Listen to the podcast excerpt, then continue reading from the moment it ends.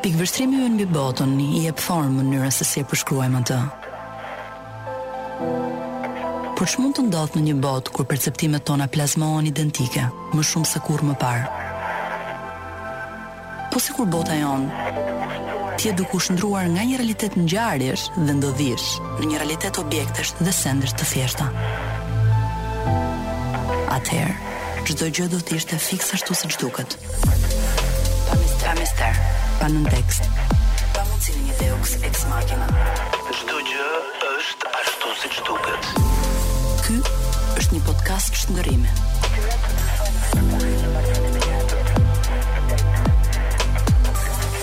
Çdo gjë është ashtu siç duket. Mirë mbrëma, jemi në çdo gjë është ashtu si duket, që është një podcast javor çdo të enjte në orën 16 në Top Albania Radio. Unë jam Ana Shkreli si gjithmonë dhe ky është episodi i disatë, se dhe s'është epizodi.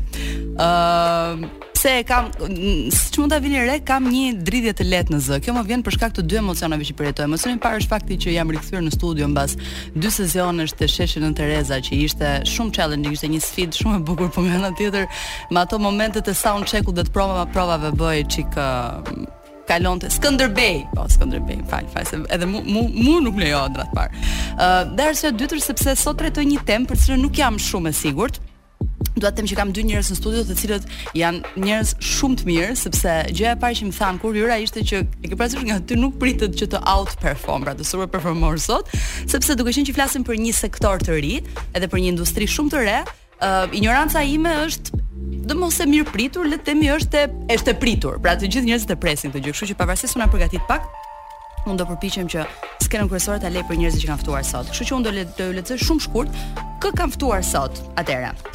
I ftuari im i parë është Besnik Beci, Thaçi, uh, i cili është menaxher i komunitetit të e-sports dhe organizator i ngjarjeve të tyre. Ka punuar për organizata ndërkombëtare të e-sports si menaxher i komunitetit, drejtues i ekipeve për përmbajtjen e materialeve të mediave sociale dhe ka konkurruar ndërkombëtarisht në nivel garues profesional në Dota 2, që është një lojë apo jo, është një video lojë. Po. Okej. Okay. Si lojtar nga viti 2005 deri në vitin 2013, uh, është pjesë e e-sports in game organizatë amerikane, është content creator intervistues e me radhë dhe mbi të gjitha ajo që mua më duket shumë interesante është që është founder i X-Portal Esports si organizatë dhe Gaming Center. Uh, gjithashtu është nënkryetari i Federatës Esports Kosova, Lobues në pranimin e Federatës International dhe European Federation of Esports. Që nga formimi i Xportal ai e ka udhëhequr komunitetin e lojërave në një epokë tjetër, duke krijuar ngjarje, punëtori dhe duke rritur ndërgjegjësimin e komunitetit dhe industrinë e lojërave në Kosovë nga brenda. Ai gjithashtu ka punuar me grupe të vogla skuadrash që tani janë lojtarë profesionistë ose punojnë për lojtarë profesionistë. I ftuari tjetër që kam nderin të kem në studio është Dren Dear Lips Buza. Yes. After this, do më duhet të të pyes për këtë uh, user, uh, username i thonë, yes, apo jo, se tani po filloj të dyshoj komplet veten time në çdo gjë, i cili është inxhinier software dhe njëkohësisht fanatik i zjarrtë i e-sports dhe koordinator i organizimeve të, të këtij lloji. Ai ka qenë përherë pjesë e zëshme e komunitetit në përgjithësi. Pavarësisht se nuk ka depërtuar në skenë profesionale, uh, gamingun asnjëherë nuk e ka ndaluar, pra nuk e ka lënë, duke qenë gjithmonë i përditësuar me trendet e videolojrave dhe pavarësisht zhanrit të, të, të tyre. Ai nisi të kishte ndikim në komunitetin e e-sportit kur u bë pjesë e vazhdueshme e eventeve të Xportal, një herë si audiencë, duke qenë se Xportal filloi të ngrinte nivelin e interesimit për e-sports në Kosovë, pastaj si pjesë permanente e organizatës, ku mundi të shpalosë plotësisht entuziazmin për nxitjen e e-sports, jo vetëm si hobi, dhe si angazhim kohe, po themi por në nivel profesional, pra që përfshin brenda fitime, ë uh, si dhe të mundësojë ëndrra të tjera. Po ashtu ai është i angazhuar si, asist, si asistent në Kolegjin Riinvest, ku jep bazat e programimit dhe programim në departamentin e shkencave kompjuterike. Siç mund ta keni kuptuar nga dy ë uh, prezantimet që u bëra ne sot do flasim për e-sports, video lojra dhe se si një njeri injorant si puna ime shikon se si kjo ka, ka arritur nga një lojë ë në vitet 60 e ca po themi ishte më shumë një mënyrë për të angazhuar kohën ka kaluar në nivel sportiv dhe tani po shndërrohet në nivel industrial prap po flasim për profesione të mirëfillta jemi rikthyer pauza nuk ishte shumë e gjatë. Dren, përpara se të nis një diskurs që është çikë më i ndërtuar, dua të di të lutem uh, Dear Lips. Dear Lips? Uh. Nuk është shumë rocket science, është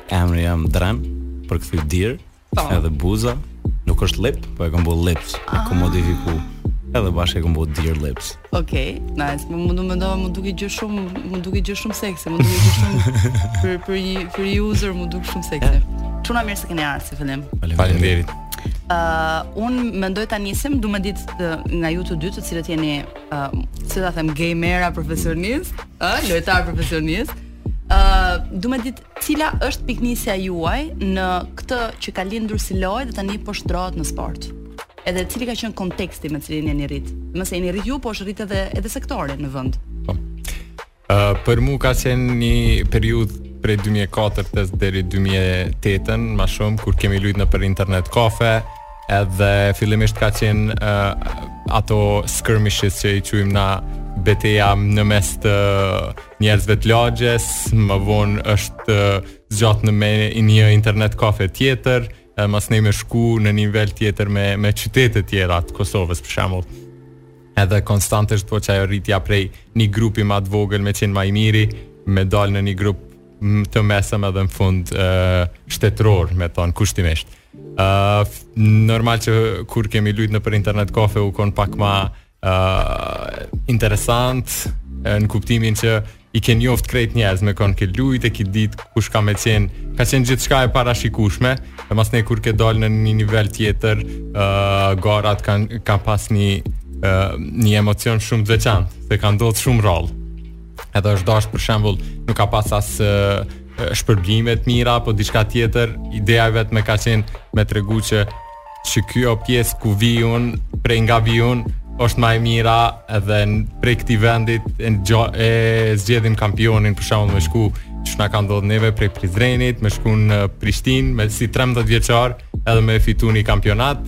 Uh, ka qenë ndjenja uh, shumë e mirë, por nëse e përkthejmë me pare, ka qenë 30 euro për fitusin. Kështu që më shumë lekë humbje me shku se po, sa po, po, realisht fitohen një gjë. Po. Ke fitu bragging rights, veç. E ke mujt Prishtinën, nëse e ke mujt shtetin tjetër. Prishtina. Absolutisht kjo është. Po kjo është arsye, kjo është drive kryesor i kompeticionit mbrapa, domethënë pjesa më e madhe që që po themi konkurrojnë për diçka, qoftë e-sport apo jo, është drive që you are the winner, nuk është vetëm problemi monetar, kam idenë apo jo. Definitivisht.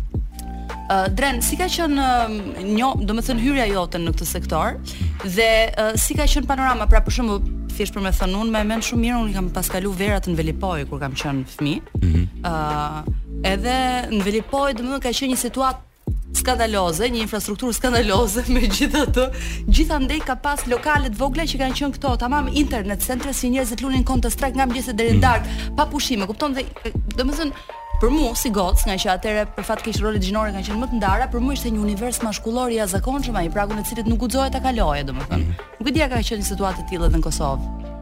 Pak a shumë po, ka qenë. Ë, uh, drive-i jem personal për me lujt gaming. Ka lind domethënë qasja që e kam pas në shpi edhe ndaj teknologjisë, edhe gjithmonë interesimi ka qenë në teknologji. Edhe ajo ka shku domethënë në kërkesa të reja, për shembull prindit mi lyp një PlayStation. Edhe në fillim kur e maj mend unë PlayStation edhe PlayStation 2-shin kur kemi lujt, ka fillu dashnia e parë për gaming, domethënë me lujt lojnat e vjetra Crash Bandicoot, Sly, uh, Mario Kart, kanë qenë uh, Crash Team Racing, kemi pas lojna GTA edhe pse nuk kanë qenë lojna uh, kid friendly, po n'atë vakt na kemi lujt. Nuk ka nuk ka që ka shumë kontroll në këtë aspekt, po mirë. E pastaj tu dal prej console gaming më herët mas në PC gaming kur jem bo me kompjuter. Ë, çaty u kon lind dashnia për PC gaming, që tash është domethënë edhe qysh ta zo e kemi edhe si profesion thoja, për me e, shty për para PC gaming. Që është edhe pëlqy më herët është qajo ndjenja masnej se si kolektiv u kon interesant kur si grup keni shku në një vend me lujt. Sa skërmishës me njëri tjetrin, e ke fitu një prestigj, ashtu në fillim keni lujt në klas, 5 me 5, kush ka fitu, masnej u zhvillu në ashtu klas me klas, kemi lujt shkolla, kush u dalë ma i fortë, shkollë me shkollë, edhe ka shku gjithmonë një nivel ma i naltë, ngrit. E po, kjo ka qenë domethënë se u kon njëfarë dashnje kolektive që është edhe në Kosovë edhe në Prishtinë ka qenë ashtu çdo mahallë ka pas një PlayStation vend ose një internet kafe. Edhe kështu është zhvilluar dashnia për uh, lojën Altina. Për çfarë vitesh bëhet fjalë konkretisht kur i referon kësaj periudhe? Uh, po kryesisht prej 2002 veç se kanë fillu Uh, fillimisht kanë qenë si zona vetëm për messenger nëse e mbani n'mend vetëm për komunikim janë hap këto uh, internet kafet Pastaj janë shtu lojat uh, për shkak të kërkesës së madhe të njerëzve. Fillimisht është shtu Counter Strike 1.5, më pas e kemi pas Warcraft, World of Warcraft, Dota 2 uh, e kështu me radhë. Domethënë ka fillu prej 2003-2004 me u popularizu nëpër e, internet kafe, edhe masnej ka vazhdu deri deri tash. Tash veç është ndru prej internet kafe, e quhen gaming centers, dhe janë pak më të kompli kompletume uh, niveli infrastrukturor është uh, i ngritur ma nalt karriget për shembull nuk janë si ato t'spitalit na i thojshim e tash janë gaming chairs domethënë veç është ndru uh, niveli i pajisjeve edhe komplet infrastrukturës kur hyn në një gaming center edhe me ato është ndru edhe emri prej internet kafe në gaming center. Është bërë diçka e dedikuar. Është bërë diçka që është dedikuar. Më po, mirë se po. shkon atje. Më mirë se në shtëpi, po, më, që është më mirë se në shtëpi këtë kam provu një herë që kam shku dhe kam pa që karriket e juaja janë të jashtëzakonshme sepse janë të programuara për të ndenjur me orë në karrike, edhe në fakt jot motër që punon me mua ka marrë një karrike të tillë në zyrë, që është super smart. Të ah. shtohet, ka shtohet për shembull, gaming chairs për internet, për gaming center që kanë ardhur, masi janë zhvillu dhe shumë industri përdoren edhe nëpër zyra, për krejt, qajo rahatia që u bë për gamerat, që është ë domethënë u shpërnda edhe në industri tjera domethënë. Është shumë interesant kur flisni për krijimin e këtyre qendrave të lojrave, ë um, patjetër që ato janë përmirësuar në infrastrukturë, por nga ana tjetër duket sikur edhe e kanë monopolizu pak tregun në një lloj mënyre. Nuk e di a është kështu apo jo.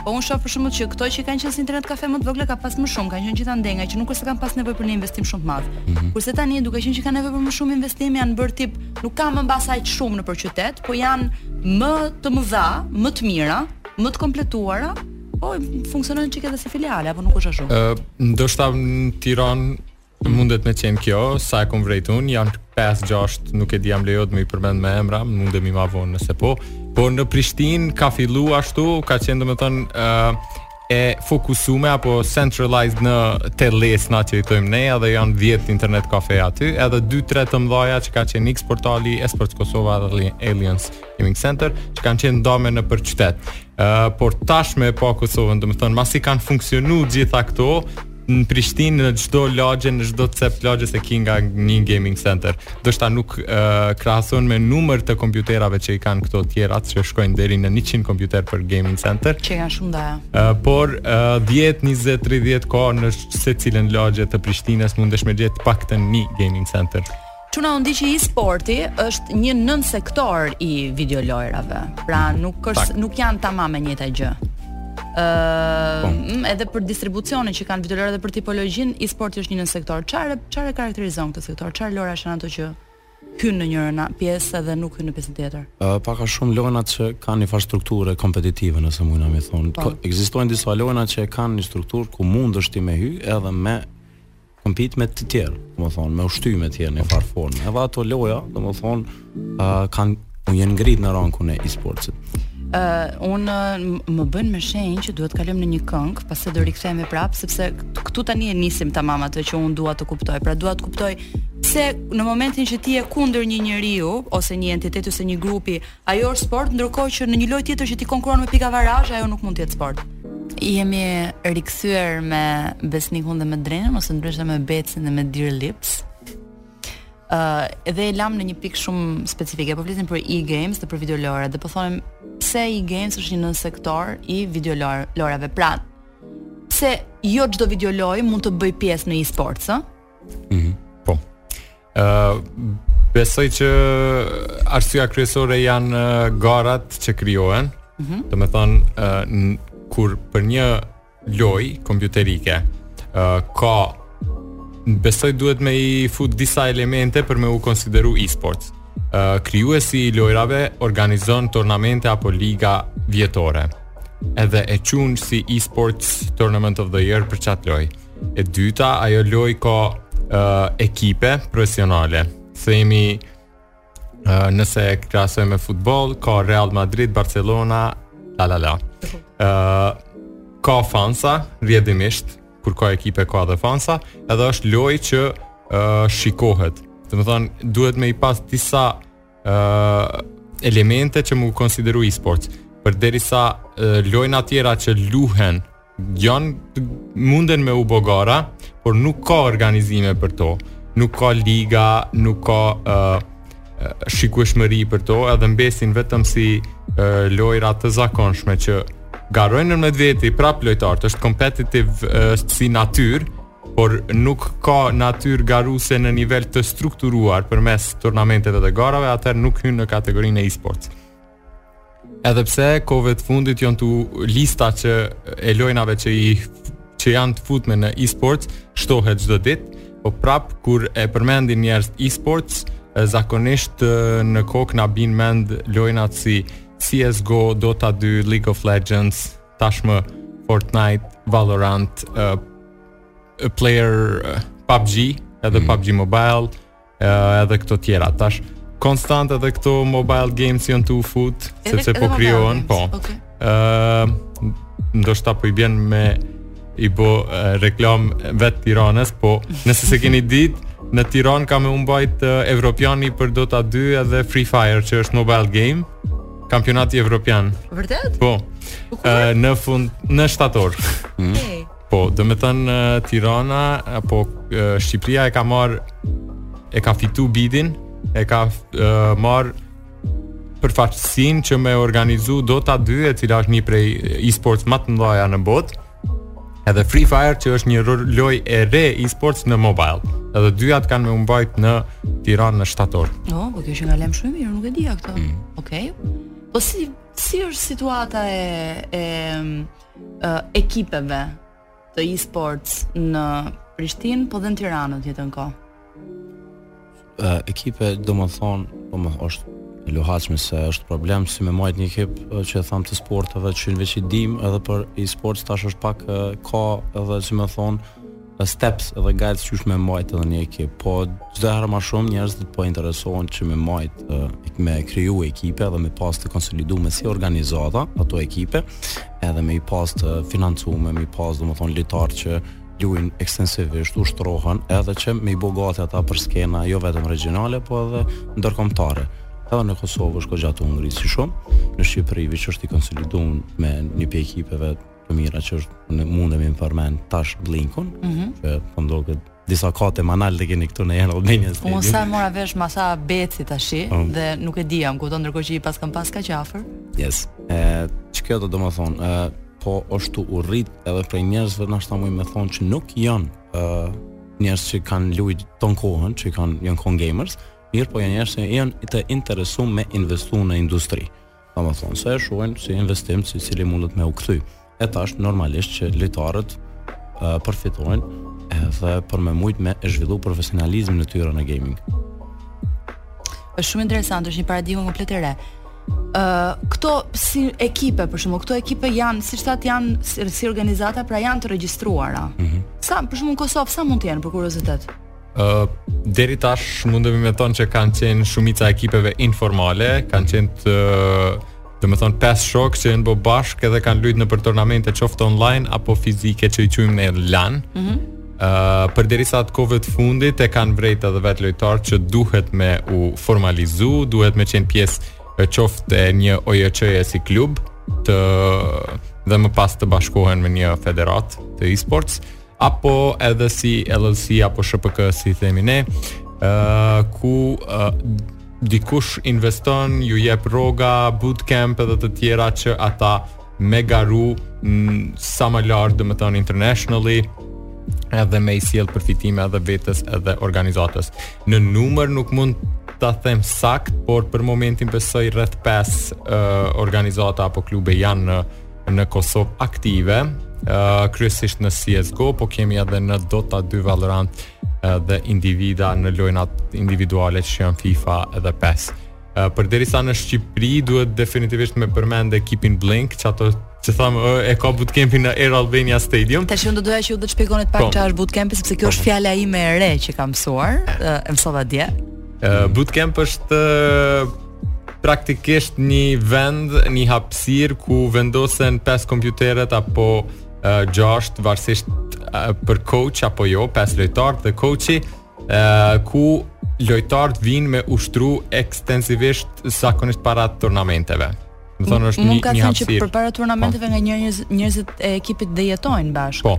Ë në atë moment bootcampi quhet edhe Team House.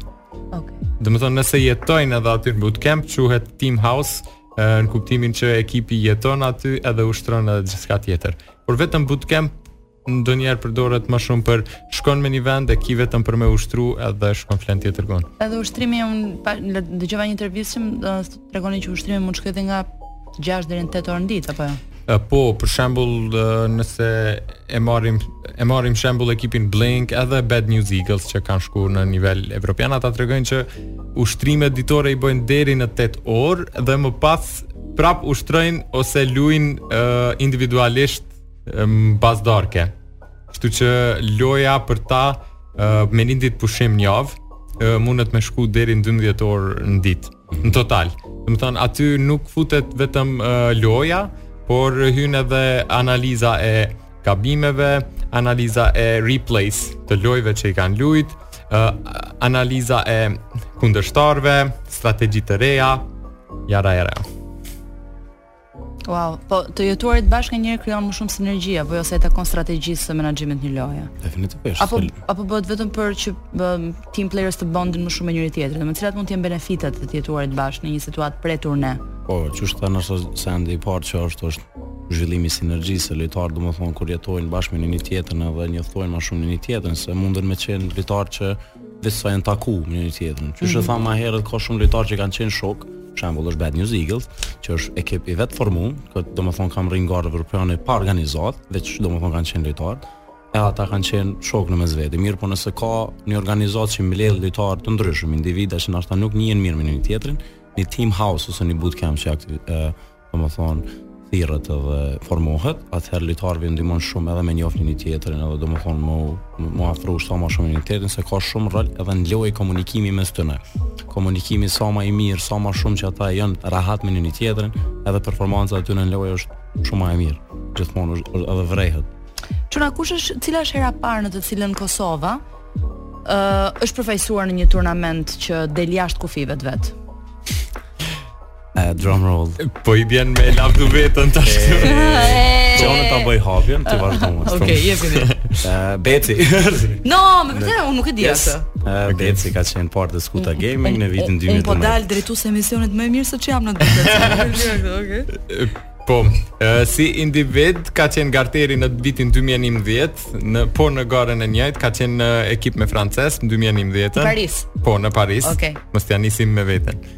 se ai ka qenë i pari si individ. Okej. Okay. Por në vitin 2012 kemi qenë ekipi i parë nga Kosova që i bie ta çojmë flamurin e Kosovës në skenë internacionale para Majlinda Kelmendit. Edhe aty në po na nuk kemi fituar qaty. po, domethënë ka qenë kampionati Electronic Sports World Cup uh, 2012 në kuadër të Paris Games Week. Aha. Edhe mu i me thonë që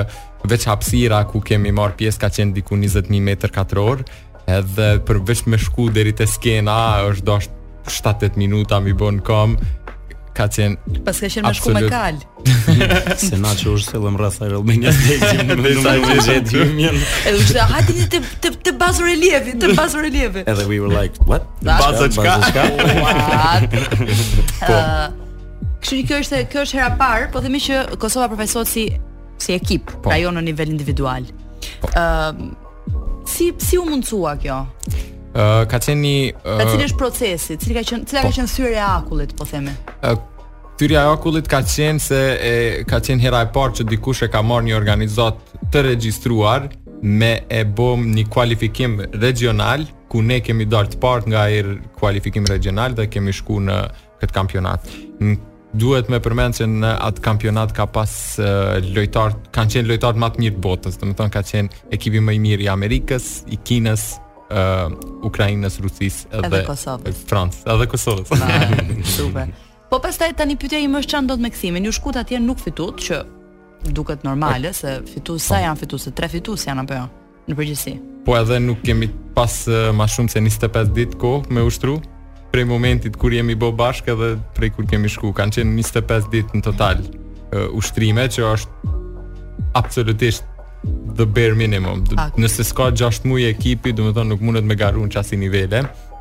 Ë uh, kur jemi kthy uh, hype kemi pas shumë, edhe kemi nisë me ushtru, por përkrahja ka qenë, mos me thonë minimale, ka qenë zero, në gjitha aspektet e mundshme, domethonë, qaq ka qenë përkrahja e vogël sa është dashtë me pagu vetë në gaming centers që kemi pagu, domethonë qato 50 cent orën, edhe ato e kena pagu na si studenta, kështu që mas një kohë e kemi vrejt që nuk po shkon, se u duft me, me, me zgjedh uh, hapa tjerë, Unë në atë moment nuk kom zgjedh kurgjo, kom vazhdu me fakultet edhe pak, uh, përderisa mas një kohë e kom vrejt që qajo që e kom lon, më ka met pik, por e di që si lojtar nuk muj me vazhdu, por jam rikthy si uh, pjesëtar i komunitetit që mundohet me bo uh, për lojtar të cilët janë në pikën kur kam qenë unë, edhe s'kanë pas support, s'ka pas organizime, s'ka pas support, nuk ka pas organizata me u mundu një send të tillë me sjell në Kosovë. Edhe kjo është sepse ti je një nga themeluesit e esportit, po, ëh? Po, edhe besoj që ja kemi arrit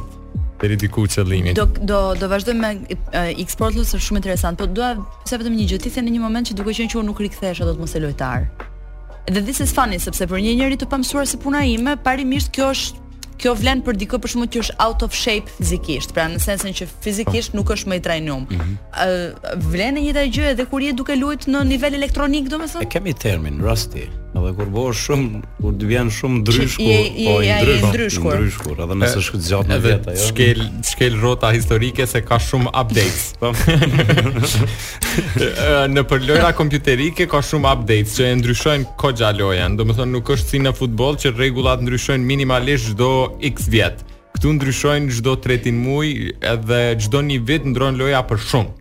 Që nëse nuk je updated edhe nuk je tu lujt konstant, Uh, going back është shumë vështirë. Maksimumi 3 muaj deri në 6 muaj, një lojtar profesionist mund me bë uh, pauzë, por nëse bën për më shumë, dihet se ai e ka humb të paktën një nivel si prej kur ka qenë si lojtar. Wow. Unë lexova një informacion shumë interesant, lexova që kur Dota 2 për shembull nxjerr update-ime, trafiku i internetit rritet me 2 deri në 3% po globalisht, që është një gjë e paimagjinueshme. uh, impakti që kanë edhe uh, përpara se me kalu me fol për e-sportet desha me fol pak edhe në fund fare për impaktin që ka si sektor për shembull unë para se me ardh këtu se unë jam përgatit pak um, gjëra që ma hoqën trurin realisht. Zbulova që sipas parashikimeve me të ardhura të kombinuara, sektori i lojërave elektronike bashkë me ato të e-sports pritet të arrijë shifrën totale prej 200 bilion dollarësh deri në vitin 2023, me një rritje të parashikuar prej 8% në vit, që është një gjë e jashtëzakonshme sepse siç po flisim dhe bashkë pak më parë, uh, kjo ka thyer çdo uh, rekord box office-i dhe praktikisht deri në 2023 mendohet që do kalojë dhe të ardhurat e industrisë muzikore, që gjithmonë ka qenë on top këto libra kështu nuk po i zë fare se për fat keq jemi shumë shumë shumë shumë poshtë. Po që c'est la vie, ë uh... thashë bëjmë një libër për e-sport për gaming. Po, e bëjmë një libër për e-sport. uh, po, me vërtet, domethënë një industri që është në këtë lloj niveli bumi. Tani kur flasim për këto të ardhura, për çfarë jemi duke fol specifikisht? Po e përmende që janë të ardhura të kombinuara. Të kombinuara. Domethënë, fillimisht, uh, nëse shkojmë bazë, është te krijuesit e lojrave, mm -hmm. edhe game publishers. Mm -hmm. Domethënë, game... Që janë ndarë shumë vonë këto në mos gaboj, dhe kompania e parë game publishers ka qenë Atari. Atari, po. A, ah, yes. që është fjalë japon, në japonisht. Yes. Saktë, domethënë, ke, ke game publishers që janë në Japoni, në Kinë, që është super industri e madhe veç atje, edhe pastaj kjo pjesa që janë uh, international, ku uh, krijuesit më të mëdhej janë Blizzard Entertainment, mm -hmm. është Riot Games që i ka 6-7 lojë në vete, Blizzard Entertainment është bashkë me me Activision, Activision. dhe kanë vetë në studio video game development.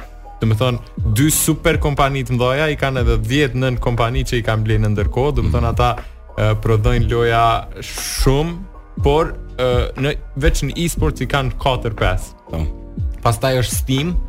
Steam është game publisher i nivelit tjetër, sepse ata e kanë librarinë e vet ku krijuesit e lojrave mundën me i upload aty, edhe nëse i plotëson disa kushte, ë loja jote është e hapur për publikun. Si në një cloud, ë? Po. Është si game cloud. Po. Apo jo, yeah. se deri po Po po, kështu e mendoj Dear Lips po ma bën fytyrën pak keq tani ah, që thash një gjë apo jo, guxova shumë. Nëse i plotson kushtet me publish një kongë në Spotify është njëjtë edhe në Steam nëse i plotson kushtet me publish një lojë. Çuna ne na duhet me kalu në publicitet dhe do okay. dhe është edhe orari i lajmeve.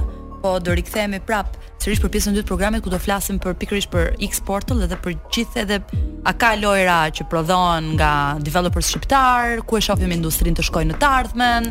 Edhe shumë gjëra të bukura, po dhe për festivalin e fundit që keni pas para disa ditësh që mezi e pristem dhe prandaj u morëm në fakt. Mirëmbrëma, jemi rikthyer. Sapo dëgjuam një këngë që quhej Luna, unë mbaj mend kur kam dëgjuar këtë këngë për herë të parë, ka qenë pjesë e një seriali televiziv shumë të famshëm për kohën që quhej Kloni. Ose në Kosovë kemi thënë Zhadja. Zhadja, ne kemi thënë Zhadja. Zhadja, po, edhe unë meqë ka pas shumë njerëz që kur lindën fëmijë atë vit fillon duke abu kalamoj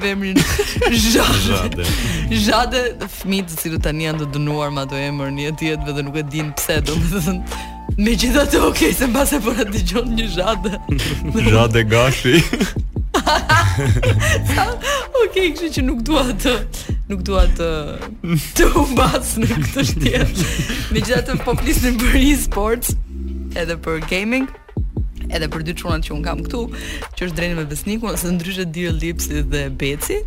Ë uh, dhe ishim duke fol për zhvillimin e um, video lojrave në nivel sportiv dhe profesional në uh, organizata dhe federata të ndryshme në në Kosovë. Mm -hmm. Uh, dhe ishim duke fol për uh, revenue-n, pra për të ardhurat e kombinuara të industrisë, të cilat pritet të çmenden në 2023-shën, po flisim për sektorët e ndryshëm, uh, që përfshin këto të ardhura të kombinuara, ë uh, dhe po flisnim për ë uh, X Portal dhe për festivalin që sapo është lënë pas. Do na flisni pak ju lutem për çfarë është X Portal, cilat janë misionet e veta kryesore, what does it stand for dhe ë mm. uh, për festivalin i cili është në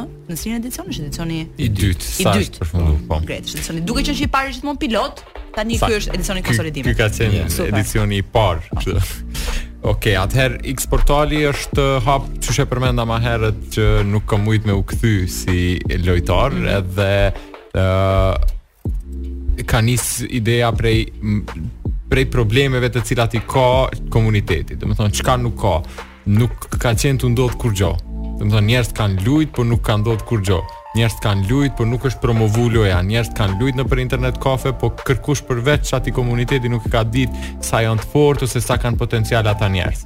Kështu që X portali është kriju për me i promovu e-sport si uh, profesion i vërtet si diçka profesionale edhe për me kriju evente dhe hapsir ku të gjithë këta lojtarë semi profesional dhe profesional mundën me e tregu veten edhe me garu normal edhe me përfitu prej çmimeve uh, të cilat ndahen nëpër këto turnamente.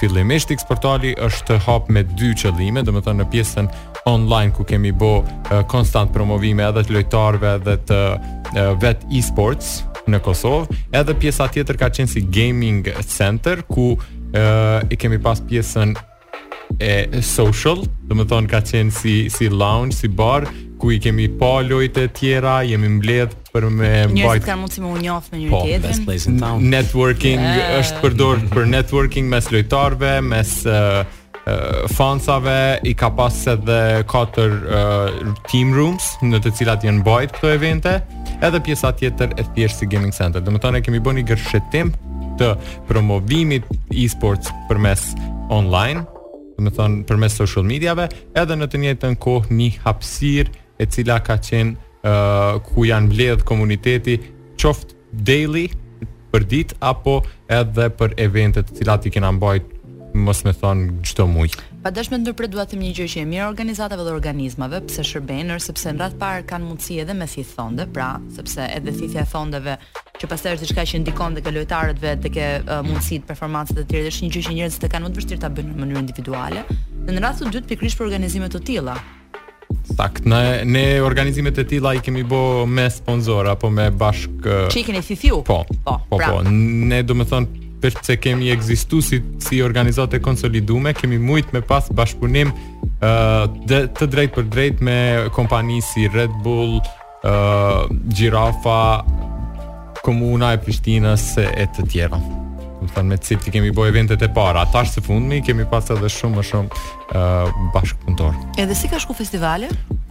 Amazing. Ça datash ishte fiks, të lutem? 27, 28 dhe 29 maj. Super. Në ishte vikendi i fundit i majit, kanë qenë disa data që do i kemi konsolidu si our dates, domethënë datat mm -hmm. tona, fundi i majit me qen i përkushtum për Game Fest si një traditë, Domethënë, për komunitetin, domethënë jo vetëm për komunitetin e gamerëve në Monetare, por edhe për komunitetin e rinisë së Prishtinës dhe jo vetëm domethënë të krejt Kosovës dhe shqiptarëve në përgjithësi, edhe ka shku fantastik domethënë.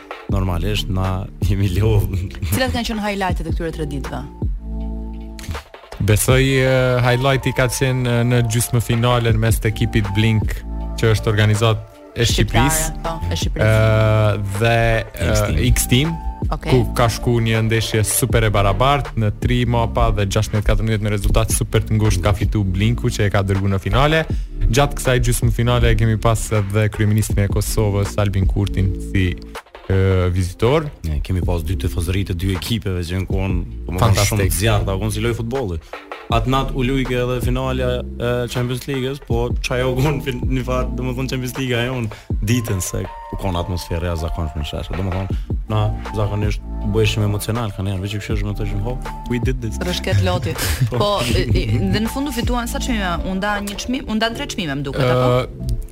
Janë nda më shumë çmime se i kemi pas katër lojra, mm -hmm. të mhm. cilat kanë përfitu çmime. Domethonë ka qenë CS:GO me 8000 euro prize pool, ka qenë Dota 2 me 3000 euro prize pool, uh, FIFA një individ e ka fitu një PS5 dhe, dhe Tekken që është fighter game me 300 euro prize pool. Në të njëjtën kohë i kemi pas edhe uh, krijuesit e lojrave nga Kosova dhe Shqipëria, nga Shqipëria kemi pas Endi Haxhiun, edhe mm -hmm. tjetër, po vetëm Endin po e mbaj mend. Edhe ka qenë dikun 12. Edhe kanë qenë 12, 12 mix entitete të ndryshme me individa. Mm -hmm. Domethënë kemi pas prej shkollës digjitale që është në uh, Prishtinë. deri te individët si Endi Haxhiu nga Tirana. Në ndërkohë kanë qenë edhe disa kompani për shembull si VR Drive Kosova, të cilët e kanë krijuar një lojë në të cilën ti mundesh me e, e me u trajnu paraprakisht edhe të njihen si orë të ushtrimit, domethënë të vozitjes. Po. Edhe këto kompani sakt. Orët e vozitjes në VR. Autoshkollë? Po, autoshkollë. What? po, janë tu e bo qato, nuk e di a është legjitime ende, por janë në qatë rrugë. Edhe gjithë këto kompanit edhe individa që janë krijues të lojrave kanë qenë në pjesë e XP Game Fest që i kanë treguar lojrat e veta. Domethënë ti ke mundësi me lujt këtë lojë mm. dhe praktikisht orët që ti harxhon atje të njihen si pikë trajnimi në pastaj në pat, në në në në, po. në, provimin e patentës. Yes. Wow. Po, qaj qaj është qëllimi i lojës, domethënë e, e ka i ka të gjitha elementet timonin edhe të tjerat që ti me pas 100% me uh, ato që mundesh me bo n'veturë. Ka shumë të drejtë si që bojnë simulimin pilot, para se training, trajnimin që kanë për para se me dalë në, në fluturim. Po tash kjo ka me qenë komplet VR. Wow, okej. Okay. Kështu që janë dhënë katër çmime. Yes. Unë dua t'ju pys uh, për këto lojrat, për shembull, se kjo është një gjë tjetër që më intereson shumë. Kur dalin në nivel kom kompeticione, pra në nivel kompetitiv, kom uh, kompeticioni bazohet mbi tre apo katër lojra që janë më të suksesshme. Ëh, mm -hmm. uh, duke qenë që në Shqipëri më së shumti luhet është luajt GS ë uh, luajt kjo CS:GO. CS:GO, po. Ëm po. um, a në një farë mënyre a kthehet kjo në një lloj penalizimi të ekipeve të Shqipërisë apo të Kosovës për të marrë mm. pjesë në kompeticione të tjera që mbase vejnë në qendër lloje të tjera lojërash? Uh, ishte pak e ngatruar kjo pyetje që bëra, po. Jo, desha me desha desha me kuptu, domethënë, duke qenë që këtu ka një trend të përhapur për të luajtur disa tipologji lojërash. Pastaj, mm -hmm. pavarësisht sa të mirë janë këto lojtarë, a bëhet më e vështirë për ata për të shkuar në kompeticione të tjera ku garohet me lojëra të tjera mbase? Ëh. Mm -hmm. Po besoj që është e ngjashme edhe me futboll në Kosovë, të paktën, ku edhe pse lojrat tjera domethonë janë lojtarë të mirë, prap fokusin primar e ka, e ka futbolli. Edhe prap se prap është në rregull në nivel komptar është ma të mirë prapë se prapë ah, janë okay. në, kuptova, në pra, futboll. Pra, ti ke gjithë gjithë të puntatë që bën paralelizma të pastra fare me situatën sportive. Kuptoj kjo është yes. është duket si më e lehtë. Po, se është, është edhe e ngjashme. Të paktën për Kosovë është shumë e ngjashme me futbollin. Domethënë gjitha sportet tjera me u bo bashk janë si futbolli në numër të fansave edhe të ekipeve dhe të fondeve e njëjta vlen edhe për CSGO me lojna tjera që janë Dota 2, Fortnite, Valorant e tjera. Ju folët që në festivalin um, që keni krijuar, që është festivali i X Portal, po. um, folët që kishit edhe njerëz që ishin developers, ëh, që zhvillonin lojra. Mhm. Mm Um, a ka lojra për shembull që janë të prodhuara nga shqiptarë, nga që në Shqipëri, të cilat luhen edhe mbase në nivel ndërkombëtar ose gjenden në këto platforma të mëdha në këto cloud-et ndërkombëtare? Uh, ka shumë. Çfarë vizibiliteti kanë? Po, ka shumë zhvillues Shumë, po ka është ka është një numër i zhvilluesve në Kosovë, të cilët punojnë për kompani të jashtme. Mm -hmm. Domethonë ka lojna që ata kanë prek, si me thonë që janë published, që nuk po di m'i përmend tash. Mirëpo është një lojë që më herët e përmendëm na Steam-in si a, platformë ku mundesh m'i publiku lojat. Është një lojë që e kanë zhvilluar tamam shqiptarët dhe emrin e ka War of Kosovo 2033, që është hala në zhvillim e sipër, edhe munduni me pa në Steam e ka profilin e vet, domethënë i ka plotsu kushtet që ajo me u publiku në Steam, mirëpo është hala në zhvillim e sipër. Po, tematikën ka me pas, domethënë, ë, uh, mm. ndoshta po do është edhe titulli është pak self-explanatory. Luftën po. Një po. kompani tjetër uh, që quhet Prisma Games e ka një prej lojëve më të suksesshme ndoshta edhe në Ballkan, mos gabofsha, 280.000 downloads i ka. Okej. Okay. Domethonë është kriju komplet prej djemve të ri t'Prishtinës, bile mos gabofsha main creator është 17-18 vjeçar mm. tash. dhe veç se i kanë uh, kap 280.000 downloads në lojën e tyne. Ndoshta, më fal vet. Po. Për boomers të Facebookut, a ju kujtohet loja Haluci? Ka qenë një lojë haluci për, për boomers edhe mund të Ka qenë para një 10 vjetë ose ma shumë vjetë. Ka qenë domethënë loja haluci, ajo ka qenë loja që u bo prej një shqiptar. Shembull, ato lojëra si Cubefield që kanë qenë këtu në Facebook, edhe ajo ka qenë një prej lojnave që u bo. S'e dija këtë, unë di që gjithë dynjaja u fiksu një periudhë me Candy Crush-in, që pastaj nisi të studiohej si që kishte një element para, psikologjik. Edhe para Candy Crush. Edhe para Candy Crush, okej. Po, kryesisht uh, krijusit apo developerat shqiptarë krijojnë për kompani tjera, sepse është e vetmja mënyrë që me qenë uh, feasible apo sustainable ti me qenë video krijues i video lojrave se nëse nis një produkt prej zeros ti je tu tu konkurru me kompani të mëdha që krijojnë lojra kompjuterike kompjuterike qoftë kompjuterike apo edhe mobile mm -hmm. Kështu që çka bëjnë këta shpesh është e kanë një projekt t'zemrës që e krijojnë vet, mm -hmm. edhe zakonisht punojnë për kompani të tjera që krijojnë uh, lojra të telefonit apo edhe të kompjuterit. Po pse nuk është mundësia për shkak që të të gjesh investitor në sensin diçka të tipit business angel, jo që ti këtë ke këtë idenë e kësaj loje të jashtëzakonshme, pastaj gjen njerëz që kanë mundësi të investojnë në këtë projekt. Po çysh tha dhe vetë është industria është e madhe, është janë kompanitë më të mëdha të botës, të cilat e kanë edhe të monopolizuar pak me, domethënë se i kanë ndër vete shumicën e studiove më të mëdha në botë. Edhe projektet shembull që i nis Blizzard me Activision, që i nis From Software, që nis çfarëdo kompanie e madhe e botës Riot Games, ose Valve që është, ato janë projekte që është vështirë me konkurru me to. Ata zakonisht i blejnë këto kompani të vogla, po, i fusin në ombrellën e vet, nuk i investojnë kështu si angel investors. Po, e kuptoj, i blejnë edhe krijojnë një merging, po themi. Yes. Um, ti folesh parë për um, një lojë që është War of Kosovo, edhe Është interesant se si nga njëra anë It's interesting, por nga ana tjetër është interesant se si çdo produkt kulturor që në një farë mënyrë eksportojmë si shqiptarë është gjithmonë i lidhur o me luftën ose me tradita të tjera, për shembull mua fakti që ne vazhdojmë me eksportojmë vetëm historinë e virgjëreshave të betuara, pra burrneshave ose vazhdojmë të eksportojmë vetëm historinë e komunizmit, për shembull është një gjë që Edhe në këtë rast sorry që po të ndërpres, po është titulli misleading, mm. sepse nuk ka të bajë me luftën e Kosovës. Është War of Kosovo 2033. Po.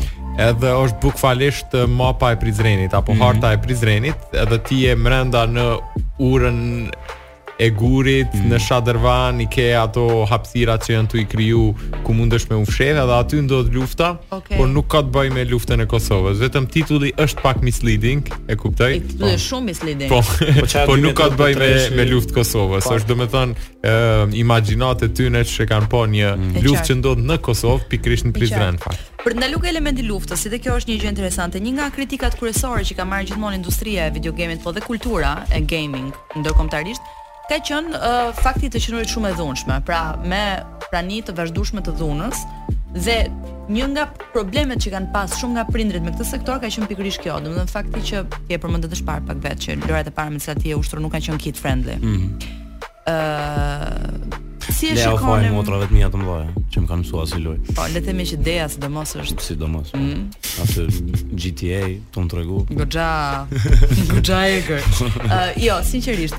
Ëm, uh, domethënë si e shikoni këtë marrëdhënien që ekziston mes uh, dhunës edhe edhe industrisë së lojrave elektronike. Është ha, ha, ha, ka nashta ndikimin e vet. Se s'muj me thonë që e ka edhe nuk e ka. Mirëpo, unë e shoh edhe një, nga një kënd tjetër që u konë si një cytje që fmijt me i largu pak pej lojnave edhe me stimulu playing outside. Ashtu nuk është. O, Aso, mësë, po. Sa bukur e ktheu tani e ktheu shumë bukur këtë që e kanë për kastile. e domosdo që po, se mos mos këta mos ato s'guxon me lujt. Lojë ti nashta çfarë veç ajo lojë ka pëlqy, edhe ti ke hup interesimin me asnjë lojë edhe ki dal uh, ki qarkullu jashtë. Njëna pej mënyrave, po mirëpo a, edhe kjo pjesa tjetër mundet me ndiku se nëse je person ekspresiv, sidomos në lojna kompetitive, ekspresiviteti jot ka me u shfaq pa. pak ma shumë. Nashta ti je rageful, qaty për qaty. Mirëpo dikush uh, mundet me pas një ndikim pak ma afatgjatë. Kështu që nuk, besoj që duhet një analizë shumë e madhe për me thonë që e bën që uh, that happened ose that didn't happen. Qato uh, është temë e thellë. Goxha është temë e thellë kjo.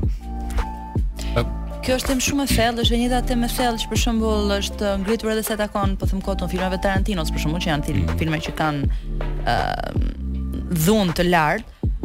Po unë mendoj që nga ana tjetër kjo mund të shërbejë dhe si një metodë e mirë për ta kanalizuar, se njeriu ka një ka nevojë për ta shfryrë dhunën dhe agresivitetin e vet, domethënë ajo është një pjesë me të cilën ne jemi të lindur.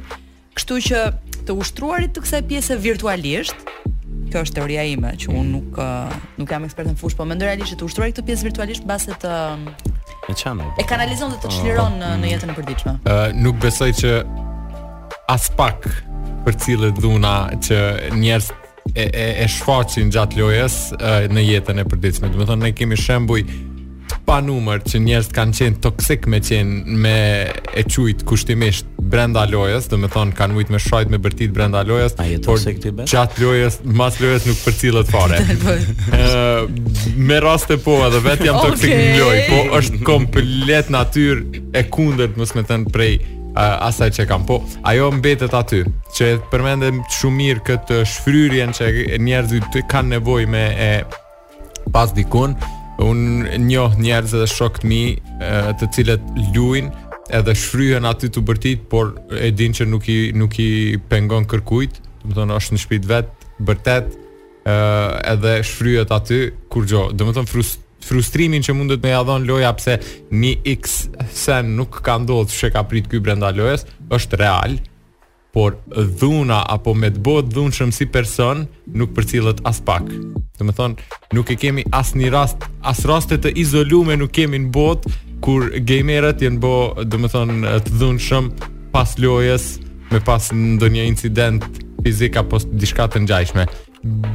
Tash ë pa pa dasht me marr krahasime me siguri nëpër sporte të tjera ë ka ndodhur diçka e tillë, mas uh, masi kanë lujt lojtarët bashkë diçka janë nxe gjakrat mas lojës, siç ashtu është shpirti kompetitiv, njerëz uh, presin me fitu, nëse diçka nuk shkon qysh po dojnë ata, bëhen nervoz, frustrohen, edhe munden me përcjell ato.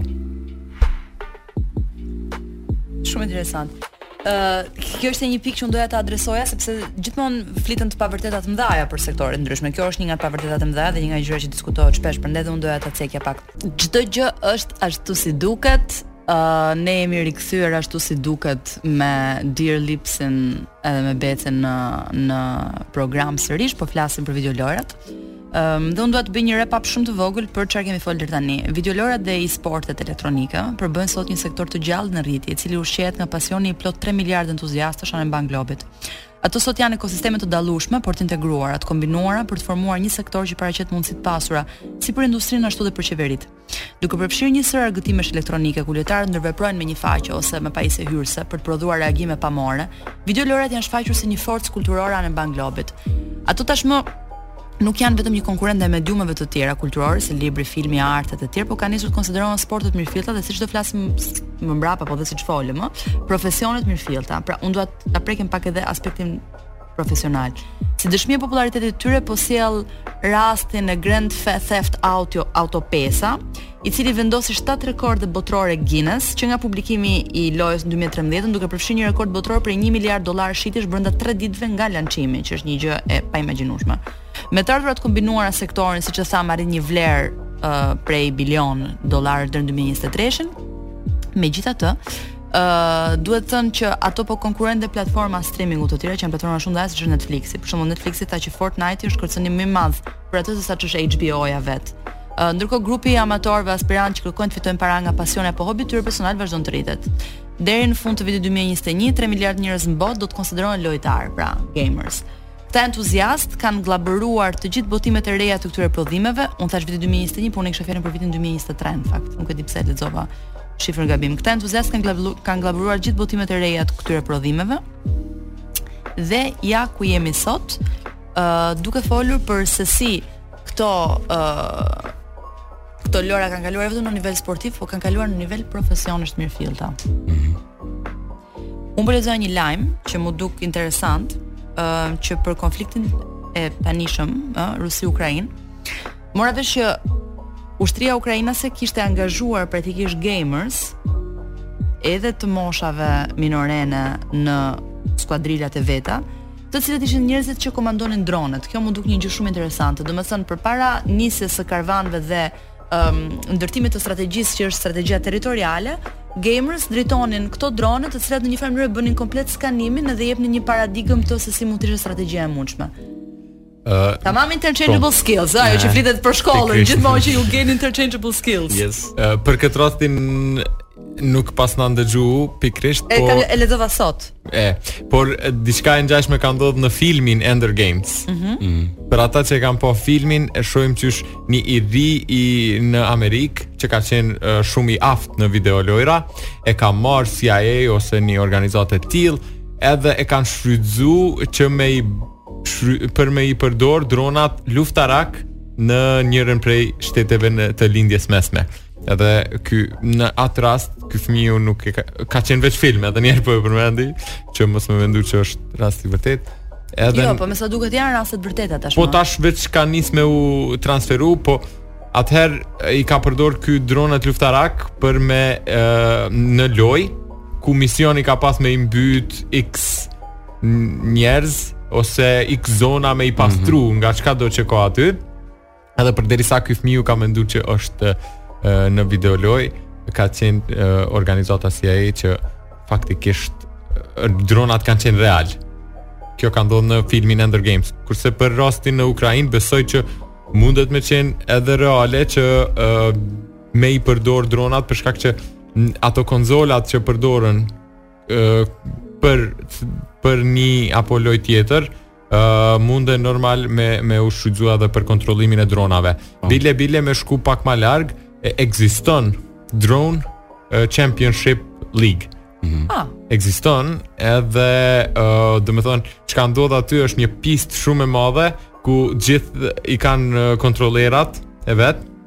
Apo këto konzolat që përmendët? Po, ah, levat. i thonë shqip. Ne ne i themi konzola. Po, këtu kam ndërmend a bëhet fjalë për pultet komanduese. Po, po, po. sakt. Joysticks. Ë uh, joysticks. Hmm. Edhe i kontrollojnë uh, dronët, po aty e kanë qëllimin kryesor veç kush del i pari, domethënë si garë me vetura, por në këtë rast ë uh, device-i është droni. Mm -hmm. Domethënë ekziston drone Championship mundeni me bo edhe me Google kush yeah. kujtdo që i intereson më shumë për këtë kampionat. Kjo është interesante sepse unë nuk e hapa kastile këtë gjë, domethënë përveç faktit që për mua është informacion interesant.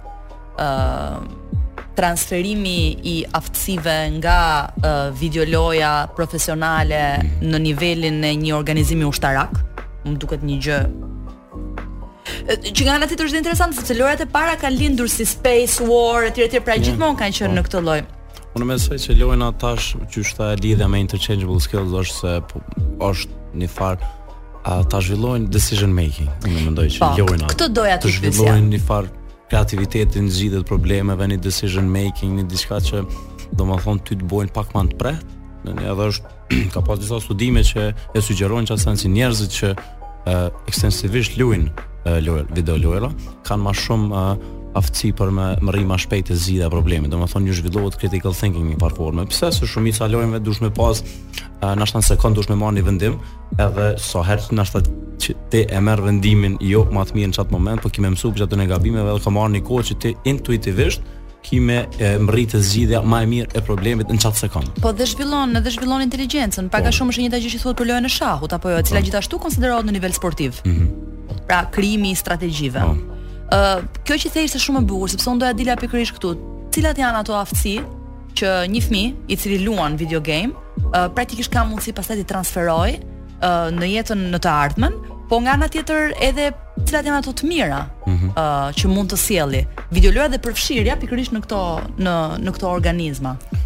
Tash për aftësitë që ajo virtualizmi në aftësi fizike të limiton, po qka mundet me e, përparu qysh thamë është në decision making, critical thinking, e, Reaction time, strategji, planifikimi i strategjive, domethonë krejtë janë këto që ty të zhvillohen, se ti virtualisht në fakt je merresh me çfarëdo skenari, sidomos në lojëra që pak ma të zona, po, edhe, që shumë skenar. Me i përmend definitivisht edhe team play, domethonë po. teamwork është një prej seneve kryesore që e mëson, për me lujt, domethonë edhe mrenda teamworkit masnej e ki um, opcionin apo rolin të qenit lider, të qenit uh, sidekick apo right hand, të qenit në një rol uh, supportiv apo çfarëdo lloji, varsisht prej lojes, uh, që mundesh masnej me përcjell varsisht prej natyres mm -hmm. së atij njeriut edhe në punë tjera, por edhe ë uh, handling stressful situation yeah. se e dim që në në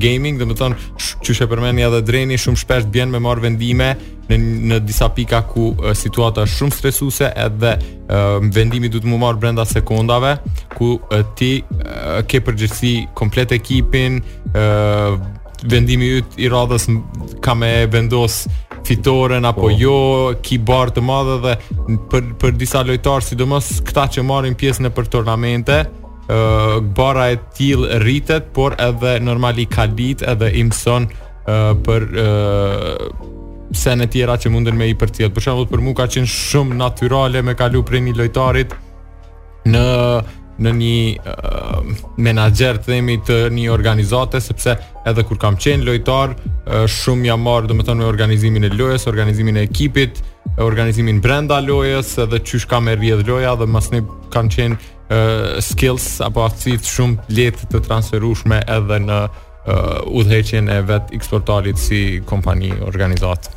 Domethonë që gamingu m'ka ndihmuar shumë profesion temin. si si inxhinier si inxhinier po. software. Definitivisht, është zgjid te, te është çajo te zgjidhja e problemeve, qysh gjen ti mënyra sa më të mira, sa më eficiente, sa më të shpejta në fund ditës, edhe nëse je në presion të kohës, normal në punë me kanë presion të kohës, edhe ti mundohesh tash me i balancu uh, kohën edhe domethënë kualitetin.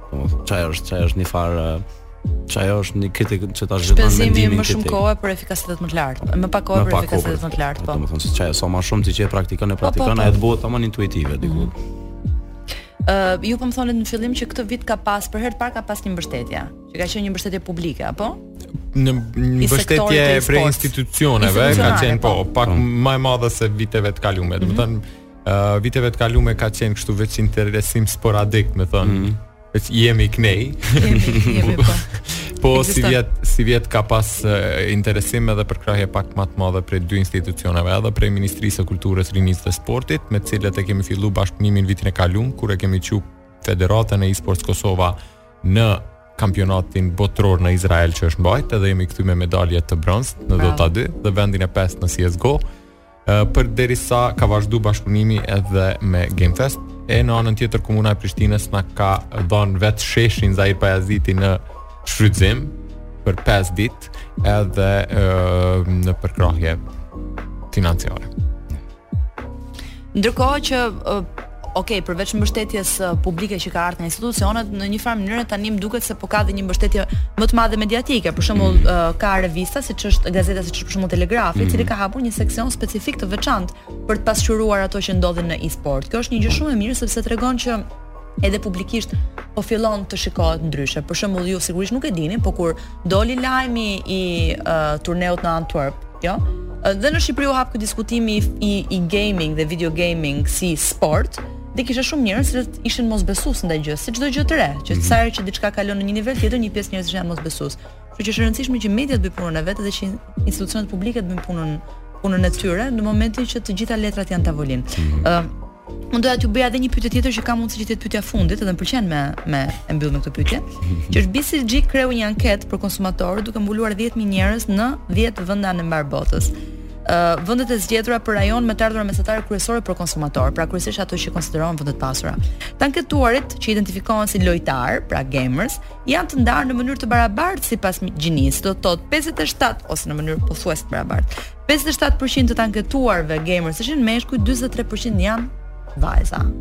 Ëm, um, jam kurioze të di në popullatën po themi truallin shqipfolës, pra po flas për Shqipëri, Kosovë, pse jo edhe edhe në pjesë të tjera. Si është raporti femra meshkuj në sektor? Nuk i pëlqeu shumë se Dreni ma ma, ma bëri kështu çiksi. Nuk, nuk i pëlqeu shumë pyetja. Jo, është nuk është ashtu aq so Ai sa shef dhe sa sa duhet. Sa duhet. Ai sa duhet. Se kemi pas normalisht na edhe një një turnirave që kemi marrë n'X Portal ka qenë ekipi tamam ë komplet vajza, domethënë që ka marrë pjesë në turnir. Team Bia. Team Bia. Shout out to Team Bia. Po. Plus e përmenda edhe gaming që ok, prap motrat e mia, e këto krejt po janë sa është përkushtimit e gaming Te ne në Kosovë për uh, gjininë femërore nuk është uh, nuk besoj që tash edhe besoj nuk është sa duhet Po pse ndodh kjo? Pse pse vjen kjo?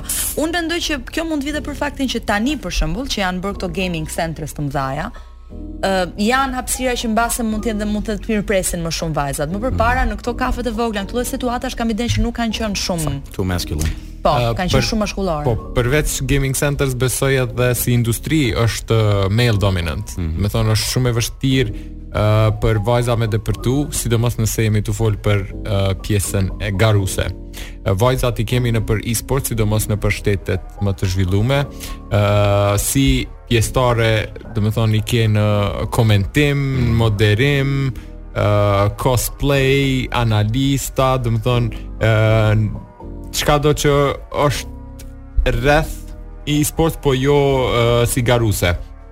Ka ekipe edhe garuese të cilat janë female exclusive, uh, ed, por nuk janë shumë të famshme dhe zakonisht nuk janë bashkë me male po pse, competitors. Pse ndodh kjo? Sepse unë po lexoja, po dëgjoja si Përpara se të nisim të flisnim këtu, ju tregova mm. që po dëgjoja çik një podcast në makinë, jo, mm. që është kjo Retronauts, është një podcast Shumë i famshëm paska nuk e di se sa qindra epizode që vijon dhe ka pa një, sigurisht gjysmën nuk e kuptova, duhet ishit ju të dy që ta kuptonit atë.